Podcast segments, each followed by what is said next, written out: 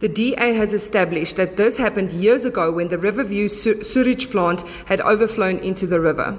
The municipality is well aware of this matter. Various complaints have been sent their way with no action taken to date. The overflowing of raw sewage into the Olifants River has impacted negatively on the livelihoods of the residents, while the current administration remains unbothered. The issue here is that the sewage plant has reached capacity and no maintenance is done to alleviate this plant.